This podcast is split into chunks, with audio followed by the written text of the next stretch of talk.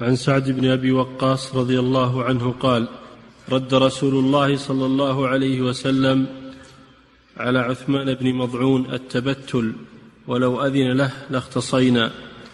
نعم عثمان بن مضعون رضي الله عنه من السابقين الأولين إلى الإسلام ومن المهاجرين. أراد أن يتبتل يعني ينقطع للعبادة.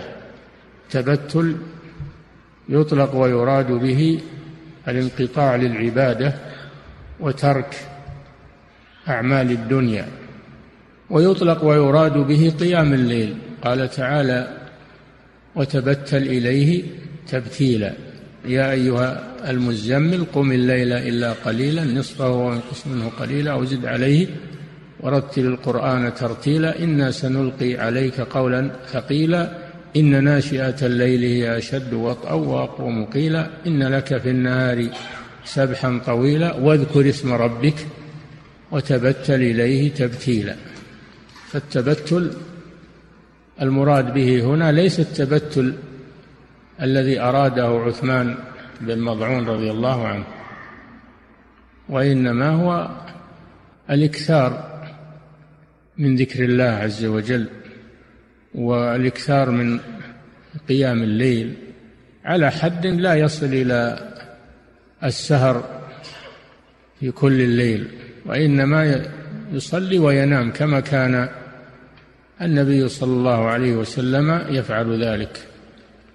فالمراد بالتبتل هنا النوع الأول وهو ترك تزوج النساء من أجل أن يتفرغ للعبادة. وهذا منهي عنه لأن النبي صلى الله عليه وسلم رد على الصحابي الذي قال أنا لا أتزوج النساء ورد على عثمان بن مضعون ذلك أيضا رد عليه أن يترك التزوج من أجل أن يتفرغ للعبادة لأن الزواج أمر مطلوب. وفيه فوائد عظيمة وفيه خير للبشرية.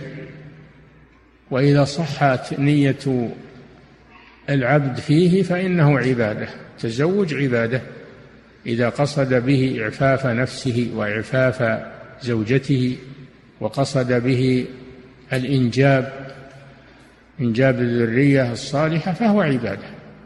وتركه تقربا إلى الله ليس عبادة. هذا التبتل. ومنه سميت آه، مريم البتول لأنها لم تتزوج لأنها لم تتزوج بل وهبها الله الولد بدون زوج. سميت البتول. البتول هي التي لم تتزوج والمتبتل هو الذي لا يتزوج. فالنبي صلى الله عليه وسلم رد على عثمان بن مضعون هذا العمل ومنعه منه.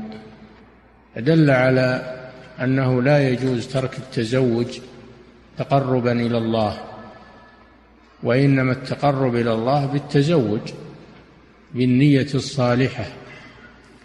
قال ولو أذن له لاختصينا. لاختصينا. لو أذن له بالتبتل لاختصينا والاختصاء هو قطع الخصيتين أو سل الخصيتين حتى لا يكون في الإنسان شهوة. الخصي لا يكون فيه شهوة. الخصي لا يكون فيه شهوة ولا ينبت له شعر. ففي الخصيتين أسرار خلقية عظيمة. أعظمها أنه أنها مركز مركز الماء الذي منه آه، يكون الجماع والإنجاب فالخصي لا في ليس فيه شهوة لأنها زالت الأداة التي بواسطتها يحصل الإنزال والإنجاب. والخصى في الآدميين محرم لا يجوز خصى الآدميين أما في البهائم فيجوز للحاجة. إذا كان ذلك أطيب للحمها أو فيه علاج لها لا بأس بخصال البهائم للحاجة. أما خصاء الآدميين فلا يجوز بحال من الأحوال. نعم. أحسن الله إليك.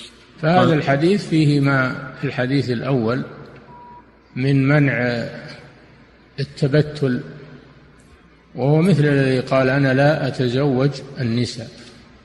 ففيه منع التبتل و والأمر بالتزوج وأن ذلك لا يتنافى مع العبادة بل إنه يعين على على العبادة الزواج يعين على العبادة به يستقر النفس تستقر النفس ويغض البصر فيه مصالح عظيمة ويحصن الفرج.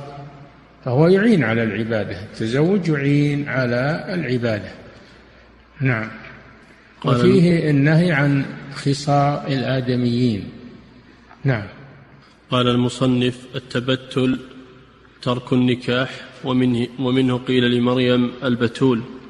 مريم أم عيسى عليه الصلاة والسلام يقال لها البتول لأنها لم تتزوج. أحصنت فرجها اتخذت من دونهم حجابا من دون الناس وتفرغت للعبادة ولم تتزوج لأن الله هيأها لأمر عظيم. وهذا فيه دليل على هذا ليس فيه دليل على ترك الزواج وإنما هذا خاص بمريم لأنها هيئت لأمر عظيم وآية من آيات الله عز وجل وهي أن الله خصها بهذه الكرامة العظيمة أن الله وهب لها الولد من دون زوج وجعله نبيا ورسولا إلى بني إسرائيل. هذا خاص بها. نعم. أحسن الله إليك. عن أم حبيبة بنت أبي سفيان رضي الله عنها. مريم ابنة عمران التي أحصنت فرجها فنفخنا فيه من روحنا. والتي أحصنت فرجها فنفخنا فيها من روحنا وجعلناها وابنها آية للعالمين. هذا خاصية لمريم عليه الصلاة والسلام مع ابنها رسول عبد الله ورسوله عيسى عليه الصلاة والسلام. نعم.